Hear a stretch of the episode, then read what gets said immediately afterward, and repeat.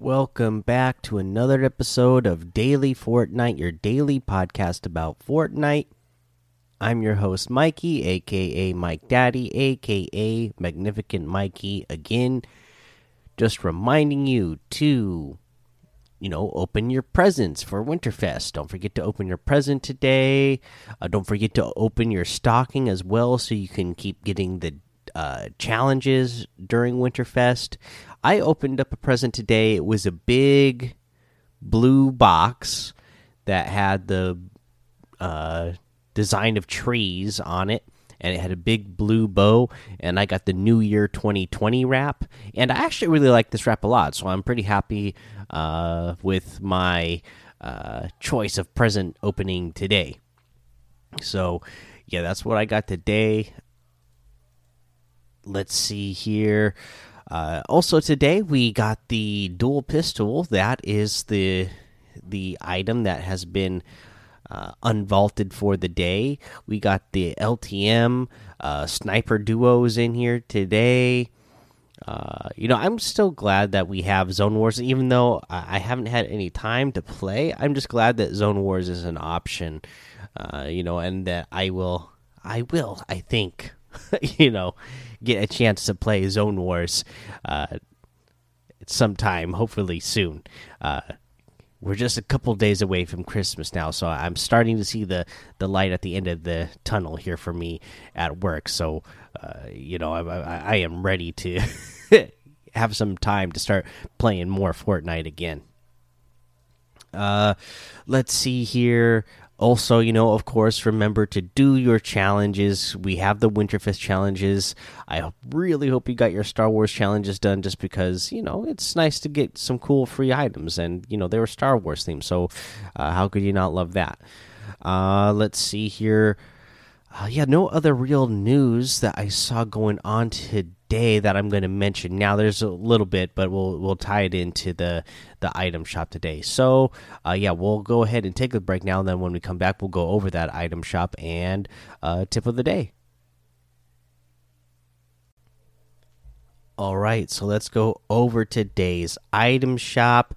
We still have all the Star Wars items. We've been covering them every single day since they came out, so I'm not going to go over all of them, but just know that all the Star Wars items are still there. Uh, and then in the featured section, we have a new outfit the Dolph outfit. He came to slay. yes, he did. Uh, it comes with the uh, bow back, uh, the bow breaker back bling deck your back. Uh, this is pretty awesome. So, uh, the the Dolph outfit, he is a reindeer, uh, full on with antlers. He's got uh, sunglasses on in the shape of Christmas trees. He's got Christmas lights around his antlers. Uh, he's got on a ugly sweater. You know, he's got a, a ornament uh, sitting where the grenade would be. He's got a candy cane in his holster. Pretty cool looking outfit. Again, you guys know I like the really unique, silly outfits. Uh, and then the Bowbreaker back bling is uh, just a wreath with some ornaments on it. Pretty cool. I really, I'm, I'm a, I'm a fan. Uh, we also have the Yuletide Ranger outfit and the Nog Ops outfit in here today we have the Krampus outfit, which was one of my favorites from last year, and then the Brat Catcher harvesting tool and the Krampus uh, Krampus's little helper glider. Uh, you have the cane outfit still here, the Candy Cleavers harvesting tool, uh, the unwrapped emote, and a new wrap, the Merry Stripe wrap. I like this wrap. You know, it's uh, you know, you know that Christmas thing where it's red, white, and green. It's got snowflakes on it. It's not animated or anything, but it looks good. We have the Winter Wrapper Glider, special delivery incoming, and uh, it plays a little Christmas tune when it opens, and it, uh, it looks like a present. Uh, it's got the bow on it. Uh, let's see here, and then we have the new emote, the ride along emote. Time for a little sleigh ride. Uh, and yeah, it's your character, you know, sits inside of uh, a Santa sleigh that is only big enough for their feet to fit in, and then very little reindeer. You're holding onto the reins of, uh, you know, that go on these really small little reindeer, and uh, you know, play some great Christmas music. So this is actually a really cool emote. Um, you know, and then we still have the Darkfire bundle, the Wave Breaker starter pack, and we have a new bundle in here, the Polar Legends pack, twenty four ninety nine US. Uh, and let's go over what's in this. So, you have the Frozen Nog Ops outfit, the Frozen Fish Stick outfit, the Code Name Elf outfit, the Elf Shield back bling, the Devourer outfit. Uh, let's see here, and the Castle Peaks back bling. So yeah, quite a few items here. Um, again, you know, I'm, I I really like this Devourer outfit that they have in here with the two styles. You have the default style where, you know, it's like he just came out of Polar Peak, he's still frozen, and then you can do no frost where, uh, you know, he looks like a green monster. Uh, you know, frozen fish stick. I love fish stick, and then this is a frozen version of them, so you gotta love that a frozen Nog Ops. I love Nog Ops, so you gotta love a frozen Nog Ops. Now you have the uh, codename Elf in here. Again, you can get the mint version as well. And now the news, the other piece of news I wanted to tie into this is if you already have code name Elf, because it's just a regular version of code name Elf. Uh, if you buy this uh, bundle, uh, you know you still have to pay the 24.99 US or whatever it is the currency in your in your region you still have to pay the full but you will get the V bucks for the uh, for this outfit if you already own it so uh, say you already own the code name elf outfit you still have to spend the 24.99 for the pack but you will receive 1200 V bucks on top of that since you already own that outfit. So you will get your your value worth. Uh, you know, they're not going to take any money off of the price itself of the pack, but you will at least get something in return uh, for spending the amount. You get the value of that uh, still.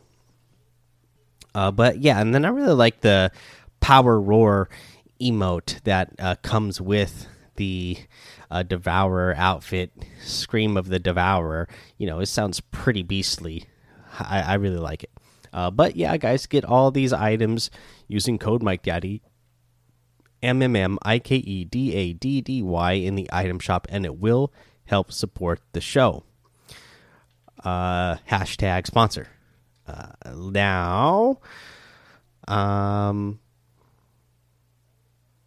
what was Oh yes, now with the tip of the day, of course. So for the tip of the day, uh, I kind of wanted to just talk about the the Kanata uh, edit and what he does there, and kind of just how uh, that's something that we can all get in there and practice, especially uh, us controller players, because we don't have a scroll wheel edit.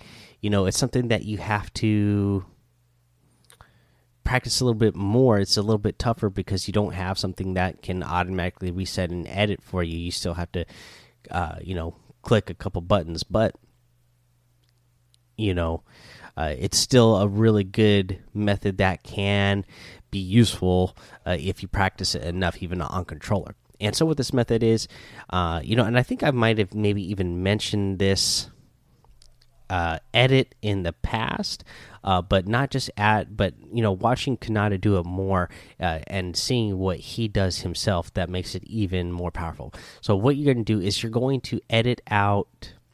Uh, you know, this is useful in a in a box fight in a 1v1 uh, type of deal where you own the wall you're going to edit out everything you're going to edit out the full top row uh, you know, so the only thing that's going to be left is the um, farthest left box on the middle row and the bottom left. and, and then it's just going to make a small little wall there. And now, because there's just a small little wall, you can hide behind it. Your opponent won't be able to hit you it, once they see that edit.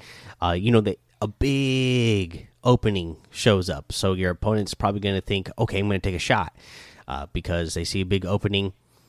Uh, but you're going to be behind that wall, protected, and then you have time to jump up and shoot, and then hit your reset edit right after that uh, so that your opponent basically doesn't have a chance at all ever to hit you with this because you're behind the wall you jump and shoot and reset it all in quick succession.